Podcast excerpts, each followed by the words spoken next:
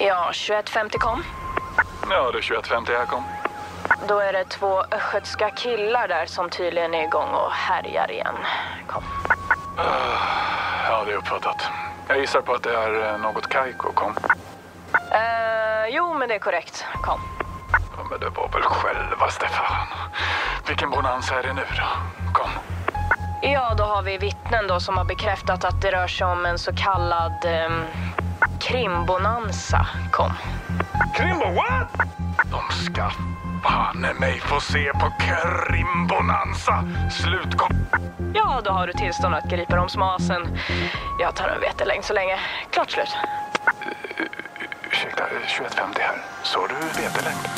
Kom.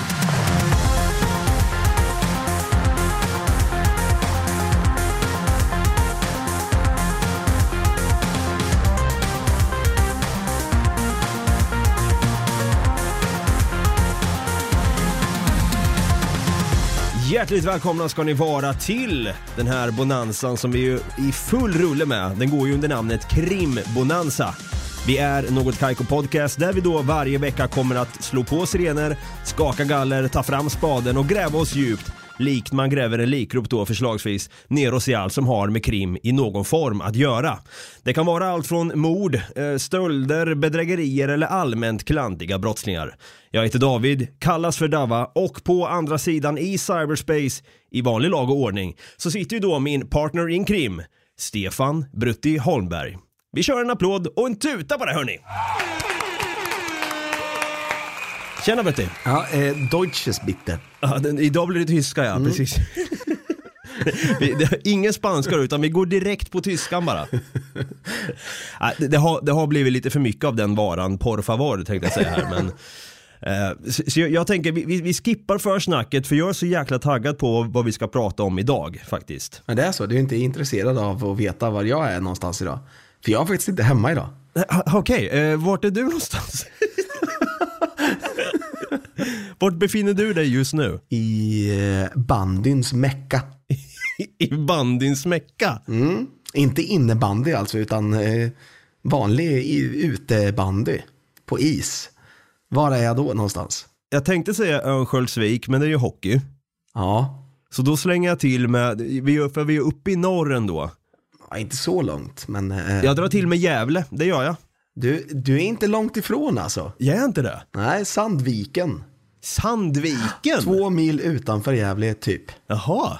Har du sett bandyplaner och sånt där uppe? Du, eh, jag håller på och jobbar inuti Göransson Arena som är bandyarenan i Sandviken. Jaha. De har till och med en inom innerink vet du, i, i bandy. De är, Uff. de är top notch lag alltså. Shit alltså, ha, hade du, har du lust att snöra på dig skridskorna och sen bara ut och köra liksom? Är bandy din grej?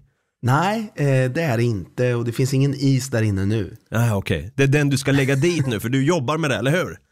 Nej, Fan, okej. eh, här och, och servar motorer i taket. Så jag har stått i en lift idag 25 meter upp i en eh, vinglig jävla censurerade men lift. Men den vita hjälmen är på ändå?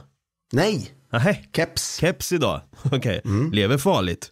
Sele är dock på. Sele ska man ha. Ja, någon ordning får det vara i Sandviken ändå. Ja, ja, ja för fan. Ja, den här bonansan eh, som jag har kört här nu på distans också, eh, kring bonansan, du har ju varit och flängt en hel del under de här avsnitten och det är ju kul att se att du är lite av en globetrotter inom, inom Sverige. Swedetrotter. The Swedetrotter. och vi har ju faktiskt, vi har ju rappat av olika s- avsnitt eh, i den här krimbonanzan redan och när man tänker på krim då så går ju tankarna direkt till mord, rån, konststölder och brottslingar av olika slag, eh, främst klantiga då då Och bandy. och bandy. Men det finns ju också en subgenre som passar i krim, nämligen något som är sjukt kriminellt och eh, kanske mer högaktuellt än någonsin faktiskt. Det är ju nämligen korruption.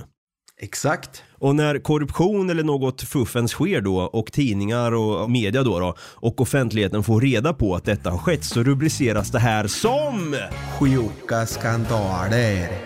sjuka skandaler. Sjuka. sjuka skandaler ska vi prata om. Phew. Och det, det är så intressant här, för jag har ju varit på loppis och införskaffat mig en så kallad eh, skandalmätare faktiskt. Ja. Har du hört talas om en sån? Nej, det var inte. Nej, Det är inte så konstigt att, att du inte har gjort det, för den finns ju inte på riktigt. Eh, Men den kommer vara bra till hands i det här avsnittet i alla fall. Ja, det är bra. Det är som så att den här skandalmätaren som, eh, som är ihopbyggd för det här ändamålet då, det är ju att vi i det här avsnittet ska gå igenom ett antal med skandaler. Och eh, den, den här skandalmätaren ska då betygsätta den här skandalen och eh, ja, den har, har tre nivåer kunde jag läsa på Bruxen här. Men jag tänker att vi kan, vi kan dra igång den här skandalmätaren och se vad den går för. Jag ska bara damma av den lite här, vänta. Så, så drar jag, jag, jag drar igång den här nu Brutti. Detta är första gången du använder skandalmätaren. Tryck 48 om du vill fortsätta. 48, det är lite... Hallå, om du inte vill fortsätta. Röj kvar. Dra ur routern. Lägg den i en svart liten plastpåse så att den liknar en bajspåse avsedd för hundskit och släng den i en papperskorg nära ett dagis. Okej, det, det, 48 sa han att, att jag skulle trycka på va? Mm. Jag trycker 4, 8. Du vill alltså fortsätta. Bara sjuka individer tar detta beslut. Men okej, jag dömer dig inte. Skandalmätaren har tre stycken nivåer. Jag betygsätter din skandal med någon utav dessa nivåer. Yes. Nå, vad vill du att jag skandalmäter? Okej, nu verkar den vara igång här i alla fall. Så nu vill den nog att vi ska dra igång med en skandal. Ja, Eh, Så jag tänker att eh, jag har en så jäkla saftig skandal som jag gärna vill börja med om det är okej för dig. mm. det är helt okej. Bra, vi kör igång! Ja, eh, Brutte och jag sitter här då eh, via Skype och vi har, eller jag har här hos mig en skandalmätare som jag köpte på loppis. Eh, lite dammig sådär, lite äcklig, men det, det, det får gå. Eh, och den här då kommer ja, betygsätta Bruttis och mina skandaler här då för att liksom se, ja, är det skandalöst eller icke? Och med tanke på att jag är så jäkla taggad på att dra igång här så måste jag bara ge ett litet eh, varningens finger och säga hur i helvete har inte den här skandalen filmatiserats inom svensk filmindustri ens? Den är... s- Ja, men Jag bara tänker så här, varför har inte den här filmatiserats än? Att det är... För det här, det låter ju nästan som en Bondfilm, det som jag ska gå igenom här nu. För jag tycker det är så jäkla sjukt och Men för i helvete, dra igång någon jävla gång. Helst idag, tack. Ja, ja, det är väl bara, det är bara att köra igång då. Ja, vi ska då bege oss till 1958 då en eh, nybliven polis börjar arbeta på Östermalms polisstation. Okej. Den här polisen visar sig vara ingen mindre än Stig Berling. Är det här någon du har hört talas om? Alltså jag känner igen namnet men jag kan fan inte placera det. Alltså, han var lite news för, för mig med. Men du kanske kommer, det kanske kommer falla ner en polett här nu när jag drar igång. Han började jobba senare för radiopolisen för att sedan gå över till utlänningsroten. En rotel som, eh, som sysslar med att ha koll på utländska medborgare som opererar på ett eller annat sätt utom och inom Sveriges gränser då. Okej. Och efter tio år inom polisen så ville Berling klättra lite i karriären och han sökte sig vidare till Säpo som står för vad? Säkerhetspolisen. Ja, det är bra. Men det, det, det är inte många som, som vet det tror jag inte. Jag tror att nio och en halv av tio svenskar vet det faktiskt. Ja, okej, Det är okej. inte jättesvårt att lista ut heller. ja, där fick han jobb på Byrå 2 som var då en spaningsenhet som eh, var en rotel som sysslade med kontraspionage mot Sovjetunionens agenter som befann sig i Sverige. Okej. Och när han inte var hemma i Sverige så tjänstgjorde han på FN-bataljoner runt om i världen. Eh, han var tjänstledig från Säpo här en- ett tag och eh, hade börjat jobba som förbindelseman på försvarsstabens säkerhetsavdelning. Men han hjälpte till att kartlägga ryska diplomaters aktiviteter i Sverige. Vi får ju tänka på att det var ju 60-tal här. Mm. Mitt under kalla kriget. Vietnamkriget var igång. Han hjälpte i alla fall då att kartlägga ryska di- diplomaters aktiviteter i Sverige och kopierar även en hel perm med massvis av hemligstämplade handlingar. Ryska handlingar eller svenska handlingar? svenska handlingar. Okej. Och han arbetade bland annat som militärpolischef på Cypern och i Mellanöstern. Sen var han FN-observatör bland annat i Israel och i Libanon. Och det var här, i Libanon, i huvudstaden Beirut, på den sovjetiska ambassaden som Berling introducerades till GRU-officeren Alexander Nikiforov. Vad står GRU för då? Ja, Jag vet inte exakt vad det står för, men det står... Gregoriansk ryska underrättelsetjänsten. Alla står och sjunger i, i kano liksom. Ja, men en sopran, en tenor. Och en sån här, vad, vad är det de heter utan pung? Enuck. Nej, vad heter de här pojkarna som har... Ja men det är väl enuck. Kastrerade pojkar söker jag på här. Jag måste se, hoppas inte polisen eh, går in i min sökhistorik här sen. Kastratsångare! Kastrat, så heter det ja. Ja, Nu måste jag bara avbryta det här för att jag har fått fram vad det står för. ja. Glavnoje razvedjivnelojnje upravlinje. Där ja. En applåd och en tuta för Bruttis ryska uttal där. I'm in the ballpark i alla fall. Ja men det är bra, det är bra. Men i alla fall, och det var ju då Sovjetunionens militära underrättelsetjänst då som Alexander Nikiforov arbetade för. Han ger den här pärmen med de hemligstämplade handlingarna. Kan du gissa vad som fanns i den här pärmen som han gav till Alexander här, Stig alltså? Nej, jag vet inte. Positioner på alla våra minor i eh, Östersjön. Du, det var inte så dumt gissat faktiskt måste jag säga. Nej.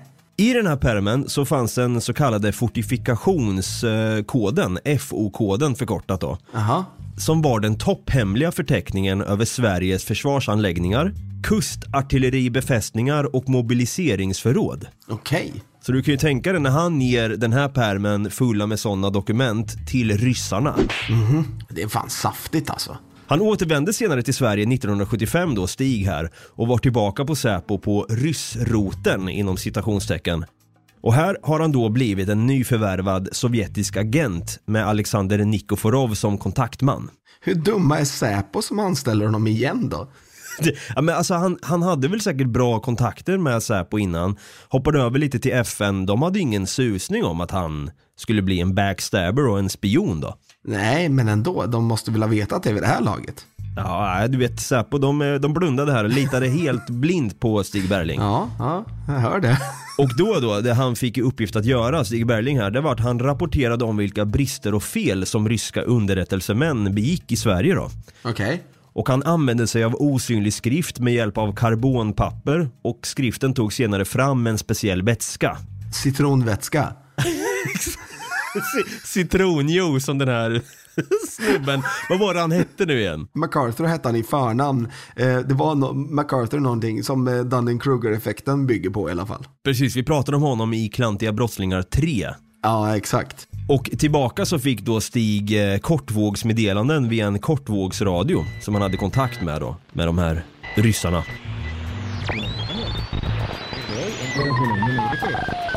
Och efter ett tag här, nu börjar Säpo misstänka att något inte stod rätt till. Okej. Och att de förmodligen hade en eh, mullvad i sin organisation här då. Och Stig Berling blev snabbt misstänkt och den civila underrättelsetjänsten KGB hade en egen mullvad i sin organisation. Och han genom militära kollegor vid GRU förstod att det fanns en agent placerad på Säpo i Sverige. Den här eh, mullvaden som K- KGB hade hos sig var ju då Oleg Gordievski. Och dessa uppgifter gav då Gordievski till brittiska MI6. Mm, James Bond. James Bond jobbar där, 007. Exakt. Can I help you? Yes, my name is Bond. James Bond. 1977 hamnade Berling i Egypten med en ny FN-tjänst. Säpo misstänkte honom fortfarande såklart och det var här en GRU-tjänsteman hade försett Säpo med bevisen för att Berling då faktiskt var en spion. Han befann sig i Jordanien här när det blev bekräftat att han faktiskt är en spion, men han kunde inte flyga därifrån så han begav sig till Israel. Och den 12 mars 1979 så grips han av israelisk säkerhetspolis i en passkontroll på flygplatsen. Han sattes på ett flyg till Köpenhamn och möts upp av sina gamla kollegor på Säpo som griper honom där och då.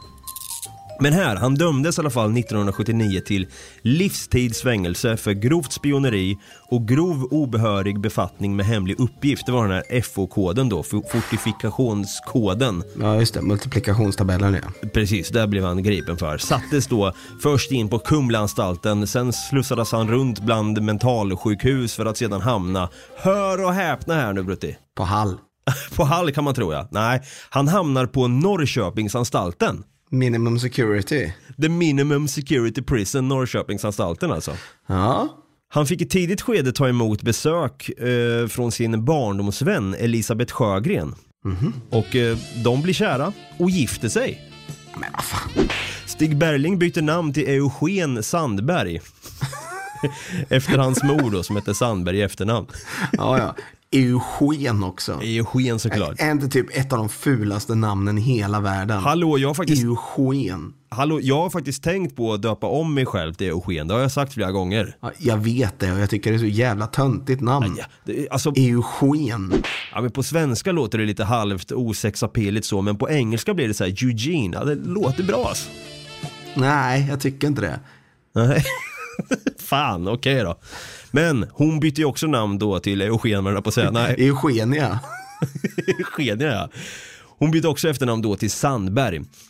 Och efter ett tag då så får han tillåtelse att eh, ha bevakade permissioner med en tillsyningsman. Och det kunde vara då i någon form av aktivitet och ett restaurangbesök. Okej. Och den 5 oktober 1987 så sticker de iväg under hans permission. Och då sticker de till Elisabeths lägenhet då i Rinkeby. Och där tillsyningsmannen lämnade dem klockan 23.00. Och han skulle dyka upp då den här tillsyningsmannen klockan 13.00 dagen efter och hämta upp Stig till, för att skjutsa tillbaka honom till fängelset då. Och det var här de kokade ihop en plan att rymma. Ja, wow. Så oförutsägbart. Men det här är så sjukt. Hon hyr tre stycken hyrbilar som skulle fungera som flyktbilar då. Den enda bevakningen de hade eh, var att det var en spanare som tillhörde Säpo som satt utanför lägenheten i en bil. Och framför lägenheten så står en av de här hyrbilarna för att locka de här spanarna till att hålla utkik på den då. Men vad gör de då? Jo, de drar på sig joggarkläder, joggarmundering bara. Elisabeth traskar ut genom porten och går iskallt förbi den här spanaren i bilen då. Fan coolo. Fanculo, tänkte hon där. Stig också då i full joggarmundering sticker ner till garaget och tar utgången därifrån.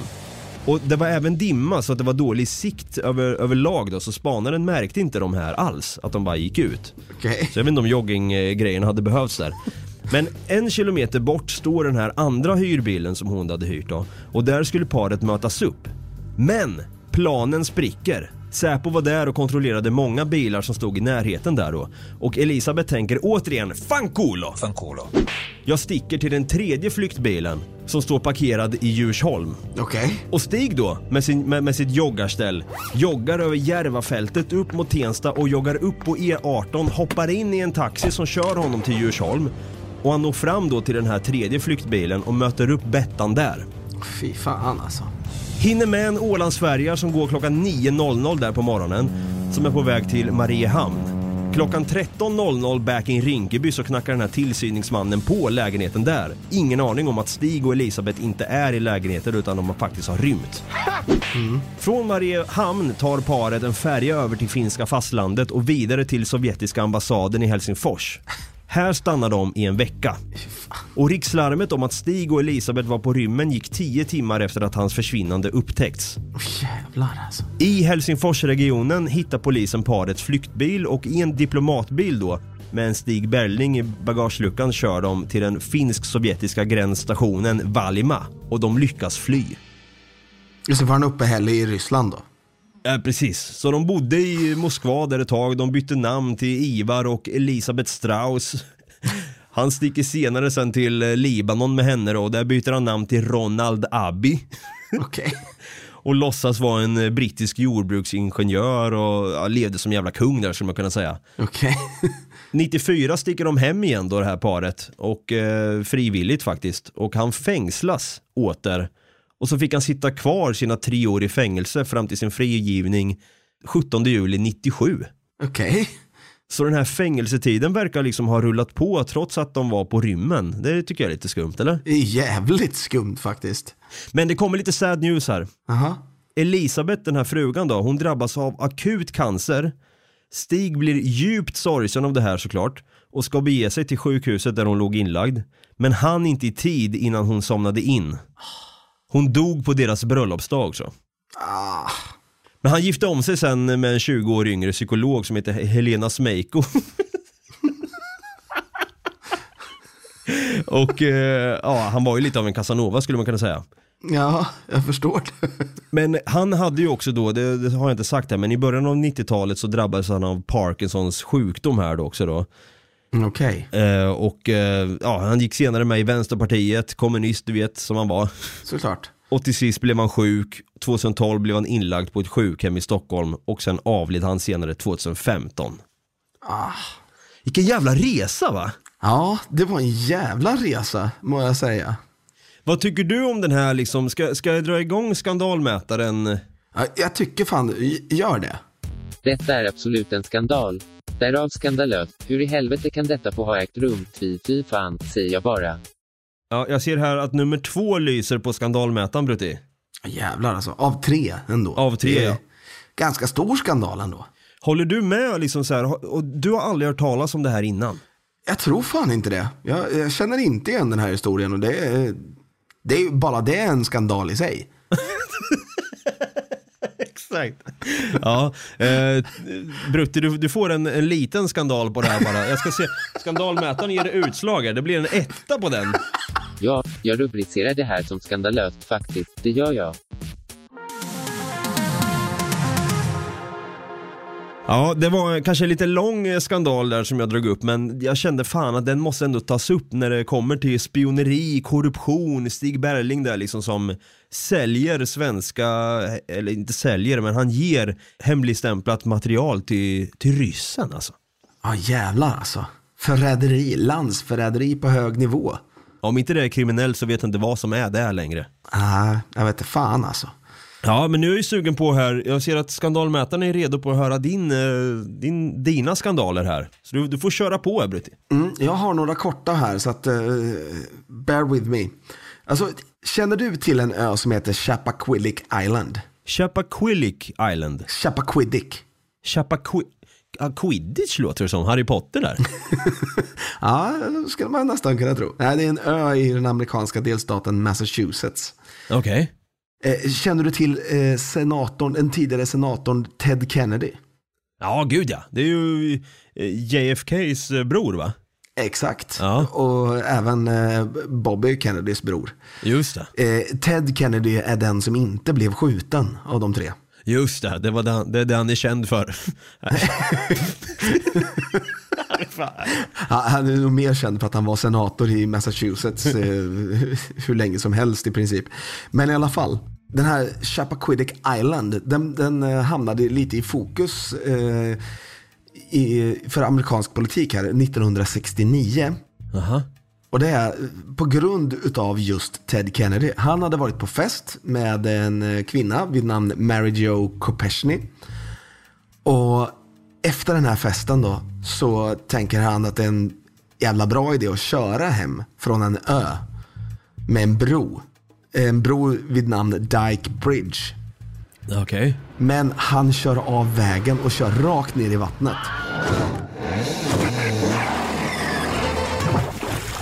Nej, fan. Var han full också såklart? Såklart, han var det.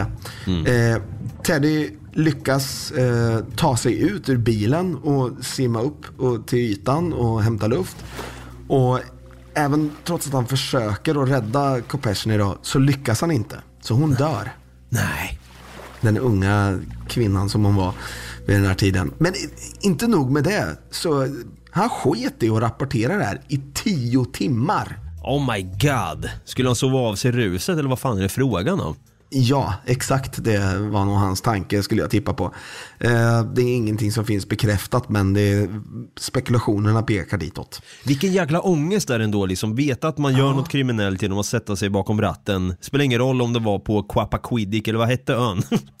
Chappaquiddick. Chappaquiddick-ön där, alltså vad fan, alkohol bakom ratten, it's a big no. Exakt. Men är du senator så kan du väl göra vad som helst tänker han. Ja, men lite så. Men i alla fall, det visade sig att det kan han definitivt inte. Han fängslades i två månader efter det här. Jaha, Och han, liksom båda sina bröder, hade ju drömt om att bli president ja, just i det. USA. Ja. Gick inget bra. Nej, Nej. Eftersom han hade blivit fängslad då, så, fick han ju, så var hans chanser lika med noll efter det här. så en president får inte ha något kriminellt förflutet? Nej. Ha, undrar varför Donald Trump sitter då? What the hell? That's really bad reporting. Ja, okej. Vad tror du skandalmätaren säger om den här då? Ja, Den blinkar lite grann här. Detta är absolut en skandal. Därav skandalöst, hur i helvete kan detta få ha ägt rum? Fy, fy fan, säger jag bara. Ja, Det, det verkar vara en, en tvåa på den faktiskt, en, en nivå två. Nivå två. Det där var ju, alltså jag kan tycka lite synd om den där Kennedy-familjen ändå för att Saken är ju det här med att eftersom alla, två av dem blev skjutna och den and, alla ville ju bli president, den ena var president då. Men det är ju lite trist liksom att deras öden, det var som att de inte var liksom ämnade för att eh, sitta på en högre post i, i samhället utan Nej, nej, nej, precis. en oturs, eh, otursfamilj ja, utan dess like. Verkligen. Men det var en stabil nummer två på den i alla fall enligt skandalmätaren. Ja. Eh, jag kommer ta mina i kronologisk ordning, bara så du vet det. Så nu ska vi bege oss till 1972, det vill säga tre år efter incidenten med Teddy. Aha. Och då har vi faktiskt den enda president i USAs historia, trots sina över 80 presidenter, den enda presidenten som faktiskt har fått avgå sitt uppdrag. Va? Okej. Mm. Vet du vem jag pratar om då? Alltså avgå då, det är inte liksom att man får sluta efter fyra år utan man, det blir Nej. ett abrupt avslut på det. Ja, precis. Och då tar vicepresidenten över med en gång va? Exakt. Okej. Vi- Det, det finns en sjuk historia om eh, den här vicepresidenten också, men eh, den kan vi ta lite senare. Ja, presidenten i sig då som fick avgå. Du, jag har inte så bra koll på USAs före detta presidenter och vad de har ställt till med i livet så ja. f- Fast den här har du hört talas om ändå. Okej. Om jag säger namnet. Aha. Richard Nixon. Ah, oh shit. Han var lite skum va? Han var, eh, ja, det skulle jag nog vilja säga. Han fick ju avgå på grund av någonting som hette Watergate-skandalen, eller Watergate-affären. Ah, det var ju det. Vi har ju pratat lite grann om det här i avsnitt 14 Ja, i eh, projekt MK Ultra. exakt. Exakt, det har vi faktiskt gjort. Eh, och Watergate är ett, eh, det är ett kontorskomplex där bland annat Republikanernas högkvarter kan man säga då, eh, ligger. Okej. Och Nixon och hans närmsta män kan man säga, eh, med hjälp av agenturer som FBI, CIA och IRS. De har mer eller mindre spionerat på andra presidentkandidater under eh, 1972. Då. Oh shit, på tal om spioneri där. Ja, exakt. När han valdes in som president. Men det var ingen som eh, riktigt såg kopplingen då 1972 Nej. till Nixon. Så att han valdes som president. Och det var först i juli 1973 som han faktiskt, eh, man började hitta bevis på att det var just Nixon som hade beordrat det här mer eller mindre. Aha. Och 1974, då, den 9 augusti, så avgick han som president. Och hans efterträdare då blev ju då Gerald Ford. Ja. Han benådade honom den 8 september, alltså en månad senare. Okej. För all, allting. Han fick en presidentbenådning och den står över hela lagen. Han fick Ja. inte sitta en dag i fängelse. på Det grund av där har jag sett i La Casa de Papel, nu kommer jag dit igen, Mm. I know. Men det är ju en grej där, eh, utan att spoila någonting kanske, men eh, man kan ju som brottsling också bli presidentbenådad. Och då är det ju helt, då är det fine, då liksom blir ens eh, record sheet helt jävla slopat i princip. Ja, exakt. Shit alltså, okej. Och det här är helt sjukt. Och Gerald Ford, det här det, det är lite konstigt tycker jag. Eh, Gerald Ford, han eh, blev vicepresident utan att vilja bli det. Han är inte folkvald. Han är den enda vicepresidenten som aldrig har varit folkvald. Och han är den enda presidenten i USAs historia som inte heller har varit folkvald. Så därför är han en historisk president på grund av det här också. Fy, alltså så här, det är ju som att han, han fick det där i knät bara. Nej vad fan, okej. Mm. Men Nixons administration, de, de sa det liksom 1973 att när den tidigare vicepresidenten visade sig ha haft eh, någon skandal på sitt håll tidigare i livet, när det uppdagades 1973, då valde de gemensamt Gerald Ford som vicepresident. Sen så var ju han, vi- för då var ju han vicepresident när Nixon fick avgå. Just det. Vilken jävla clusterfuck. Ja. Men han verkar ju inte riktigt ha helt rent mjöl i påsen heller eftersom han benådade Nixon från allvarliga eh, anklagelser. Ja, gud ja. Men alltså den här Watergate-skandalen då. Det, det var liksom att det, det läckte information om att det hade varit spionage på presidentkandidater då alltså. Exakt, exakt. Ja, Det, det här, usch, det här måste ha varit stora rubriker i tidningen alltså. It is overcast and raining in Washington as President and Mrs. Nixon prepare to leave the White House for the last time as the first family. the president is saying acknowledged goodbye. that because of the Watergate affair, he no longer has a strong enough base in Congress to continue with any effectiveness. Ja, det var ju så stora rubriker. Alltså, det var ju, som du sa, ett clusterfuck. alltså, det, helt jävla otroligt vad det var. Och det är den enda, som sagt, den enda presidenten i USAs historia som har avgått sitt eh, uppdrag innan ämbetstiden rann ut. Hur länge fick han sitta då? Han blev vald 68 och, och, och fick sitta från 69, den 20 ja- januari 69 till den 9 augusti 74. Ah, så det var liksom h- hans fyra år där och så blev han omvald? Mm. ah, då är jag med, då är jag med. Yes. Ah, shit alltså. Du, jag ser här att skandalmätaren, den går bananas här nere. Är det så? Ja, den går bananas. Det här är ju rätt så stört ändå liksom. Det här är ju högst olagligt Ja. och kriminellt att ens utföra spionage på sina, ja, s- s- sina motståndare då. Ja. Och fy för helvete vad detta är skandalöst. Det är så motherfucking jävla skandalöst att jag skiter ner mig. Torkar mig inte efteråt och sniglar mig fram på en persisk matta med enbart skinkorna så att inte ens kemtvätt kan rädda mattan. Precis så skandalöst är det. Det blir en trea då. Jävlar. Ja, den här, den här var... den här var sjukt brutig faktiskt. Jag vet att Watergate-skandalen är en omtalad skandal. Kanske en av de största skandalerna som, I alla fall i USAs historia. och e- efter eh, s- Toblerone-skandalen med Mona Sahlin där också. All right. Ja, eh, Richard Nixon, att, att inte han blev mördad på kuppen är ju det är ett under i sig. Ja, faktiskt. Okej, jag drar igång eh, skandalmätaren igen här så får du dra en, en till skandal här. Det blir skandalbonanza. Ja. Känner du ett- i- till ett företag som heter Worldcom? Worldcom. Eh, pff, aldrig, det låter nästan som att det är ett telefonföretag av något slag. Det är exakt vad det är faktiskt. Det var ett av världens största telefonoperatörer 1900, ja vad ska man säga, 98. Eh, Så köpte de upp en, en annan telekomjätte som hette MCI för 40 miljarder dollar. Och då blev det en av de absolut största eh, affärerna i hela eh, liksom, historien. Och fy fan, ja. Eh, och sen så köpte de upp två stycken till eh, företag eh, 98 och 99 och då blev det liksom den näst största internet och teleoperatören i USA. Okej, okej. Men 2002 tvingades de till konkurs för att de hade, ja, de hade förhärligat sina papper lite grann. Så de hade redovisat 35 miljarder kronor mer än vad de hade fått in under de- de senaste fem kvartalen där 2002. Har de hört talas om en revisor kanske? I don't know. Hur fan kan man lyckas med det ändå? Det är ju sjukt. Ja, det är helt sjukt. Du vet, det är ett företag som hade 85 000 anställda världen över. Holy shit. De hade världens största nätverk för internet på den här tiden. Oh my god. Ja, de var ju med liksom i internetets guldår där i början. Och på en dag bara tjoff, inte ett smack. Nej. Nej. Och de som var ansvariga fick ju såklart sitta i fängelse. Men v- var det livstid eller vad, vad, vad hände då? Mm. 25 år. Oh jäklar i gatan. Men vad var det som egentligen hände då liksom rent konkret efter det?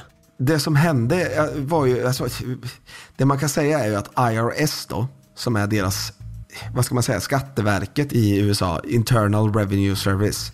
Ja. De kom ju på att de eh, hade förskingrat pengar. Och man, man hade till slut kommit fram till att det var 11 miljarder dollar som fattades i bolagets redovisning. Och då grundaren då, Bernard Ebbers, han dömdes till 25 års fängelse för inblandningen. Och då hade de nio stycken eh, åtalspunkter på honom. Och han dömdes på alla punkter. Men v- vad är det man åker dit för då? Ska jag försöka gissa vad han eh, dömdes för? Ja, okej. Eh, Ja. Det är väl bara att slänga in ordet grovt innan varje dom då så blir det liksom. Det, jag har faktiskt tyvärr inte alla eh, punkterna framför mig. Eh, Bara så du vet det. vi tar liksom huvudpunkterna som svider mest att höra i en rättssal. Ehm, då tror jag då att eh, grovt bedrägeri, Mm, det står bara bedrägeri, men det är rätt. Ja, okej, bedrägeri är rätt. Sen har vi då skatteförskingring, det är väl inte, det går väl under samma kategori som bedrägeri? Mm, fast du har jag inte jättefel heller, för att det står vilseledande redovisning. Ja, där har vi det. Ja, men det är typ skattefe... Ja, då har jag två rätt än så länge då. Och, va, Jag har en tredje framför mig. Ja, då ska jag gissa rätt på den då. Ehm, Korruption. Det börjar på samma bokstav. K- eh, ja, eh, nej vad fan, vänta, vänta. Jag ska... Ett ska. Ka- att- ku- k- k- Ah, vad fan! Nej, jag kan inte. Vi har haft en hel bonanza om det här. Ja, konspiration! Ja, Och den är mindre rolig att, att få höra i, i en rättssal då. Eh, sen så var det ju finanschefen där, Scott Sullivan, han eh, erkände sin medverkan till brott. Och eh, efter det så valde han dessutom då att samarbeta med åklagarna och fick ett, eh, ett eh, sänkt straff på grund av det. Jag vet inte vad det sänkta straffet blev, men han fick ett sänkt straff.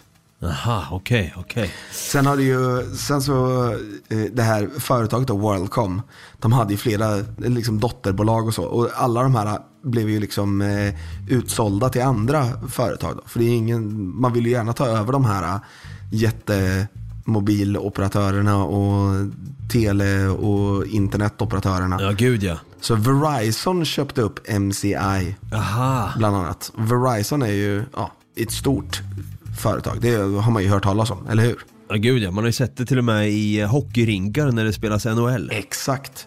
Men vet du vad? Något som jag tycker är lite sjukt. Aha. Känner du till företaget Enron? Enron, alltså E-N-R-O-N. Exakt. Aldrig hört. Det var en av världens största typ eh, energijättar kan man säga. Olja och eh, el och allt sånt. Lite som Skanska. Nej, jag vet inte fan. What? Ja, men Ion. Eon typ, ja. Ja. Och året innan det här, 2001 alltså, då så eh, var det en stor skandal med Enron. Jaha, såklart. En jätteskandal. Det var nästan större än den här eh, Worldcom-skandalen.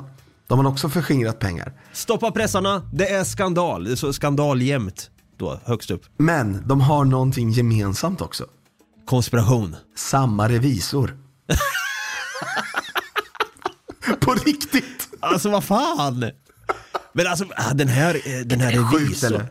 Ja det är lite sjukt men det, där har vi liksom kanske sh- roten till det, till, till det stora hela. Liksom att de har anställt honom bara för att de vet att han är, eller nu antar jag att det är en han, men det känns Ja, väldigt så här manlig bransch där uppe med kostymnissar och det är ofta de som sysslar med konspiration. Ja. Ja men shit alltså. Men, men alltså en grej som jag tänkte på också när, när liksom Worldcom då släcktes ned i princip, eller när de liksom blev dömda. V- Vad händer egentligen med alla kunder där liksom? Får de fortsätta köra på Worldcom eller liksom så här, blev de helt jävla internetlösa där? Du, jag vet faktiskt inte det. Jag antar att de blev eh, i princip nedsläckta eller fick fortsätta eh, med vissa, vad ska man kalla det, premisser.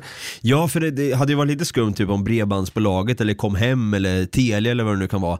Att de skulle åka dit för konspiration. Fan, det hade varit en jävligt bra nyhet i Aftonbladet och Expressen liksom. Men var inte det en, en med Telia att de hade gjort någon affär i något så här Uzbekistan eller någonting? Mycket möjligt. Det, det känns som att det är väldigt mycket fuffens i de där branscherna alltså. Ja, fy fan alltså. Och, och jag tror med tanke på att det är ju högst kriminellt Mm. så tror jag ändå att det är så jävla flashiga miljöer, det är liksom möten, kostymnissar som sysslar med konspiration, det står högst på deras CV, konspiratörer Mm. är de. Och det det är, liksom, det är inga klantiga brottslingar direkt heller, Nej. utan de, de vet precis hur de ska lura staten i princip. Ja, Ah, shit, det är alltså. sjukt alltså. Du, jag ser här att eh, skandalmätaren, den, den går på högvarv här nere. Alltså, Där du sa, där du la till det där med Enron och att det var samma revisor som de hade på Worldcom. Jag trycker på den här, ska vi se. Och fy för helvete vad detta är skandalöst. Det är så motherfucking jävla skandalöst att jag skiter ner mig. Torkar mig inte efteråt och sniglar mig fram på en persisk matta med enbart skinkorna så att inte ens kemtvätt kan rädda mattan. Precis så skandalöst är det. Ja, det blev en nivå tre, Brutti.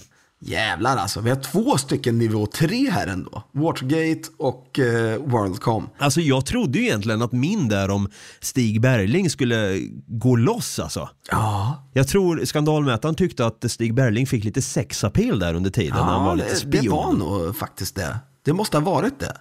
Sexapil, 342 procent. Kan vara det på Stig faktiskt. Ja, jag tog upp en lång skandal och du tog upp eh, tre kortare skandaler här. Det stör mig lite grann att Stig Berling inte fick en trea faktiskt. För jag, jag tycker som sagt att den var lite ska, men ja. Men som han sagt- kanske, den kanske har värmt upp sig nu. Om du trycker igång den igen så kanske han får en trea. Okej, vänta då. Detta är absolut en skandal. Därav skandalöst. Hur i helvete kan detta få ha ägt rum? Fy, fy fan, säger jag bara. Nej, det är fortfarande en två alltså. Ja, ja. Ja, den- den vill inte ge Ja, sig. jag, vi styr inte över den. den. Den har sitt egna liv. Ja, exakt. Vi får se om vi drar med den här skandalmätaren i andra avsnitt här längre fram. Ja, nu har vi ju köpt den. Ja, precis. ja, vi har tagit upp eh, skandaler i det här avsnittet Brutti. Ja, jävlar vilka skandaler. Och det är ju oftast lätt att man, man glömmer bort liksom de här skandalerna som faktiskt har skett. Alltså jag tänker så här som jag var inne på förut att det är liksom gubbar i kostym som eh, styr och ställer lite allt för mycket. Men vi får inte glömma bort att de farligaste kriminella personerna, det är oftast de som har på sig kostym alltså. Verkligen. Det är inte de här rånarna med en mattkniv utanför Ektorp som eh, ska försöka sno veckopengen för utan de är, det är de här farliga jäklarna som systematiskt vet exakt vad de ska göra. Ja, ah, fy fan. Och de slår mångmiljonbelopp och i- ofta miljardbelopp dessutom. Om ni vill tipsa mig och Brutti på några skandaler som ni vill att vi ska ta upp så kan ni göra det och skriva till, vart då Brutti? Ja, ni kan skriva till oss på Facebook där vi heter Något Kaiko Podcast. Eller så kan ni skicka ett DM med lite skandaler eh, på Instagram där vi heter Något Kaiko. Och är ni lite mer old school än så, ja då får ni jättegärna skicka ett mail till oss på nagotkaiko.gmail.com. Och om du vill eh, lägga en liten skandallös eh, recension så kan du göra det där du lyssnar på den här podden exempelvis. Skandallös, inte skandalös. Jag hörde nu hur dumt det lät. En skandalös recension.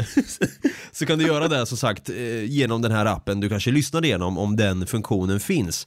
Eh, hade också varit nice om du går in och följer och prenumererar på den här podden så att du får eh, en notis om när vi har släppt nya avsnitt. Eh, och kanske ger den en fem stjärna eller en tummen upp så eh, ja, vi kommer upp lite i poddrankingen där så att säga. Det har varit sjukt kul. Eh, och jag tänker som eh, alltid här Brutti att vi, eh, vi är ju tillbaka nästa vecka igen. Vi är tillbaka med en, en kär, ett kärt avsnitt som jag vet att många lyssnare vill ha en till del utav. Vi be- be- behöver inte säga något mer än så. Nej, Men eh, vi avslutar med de två gyllene orden då. fan coolo. Fan, fan Kolo. Nej, Nej, ha det gröt. ha det gröt för fan.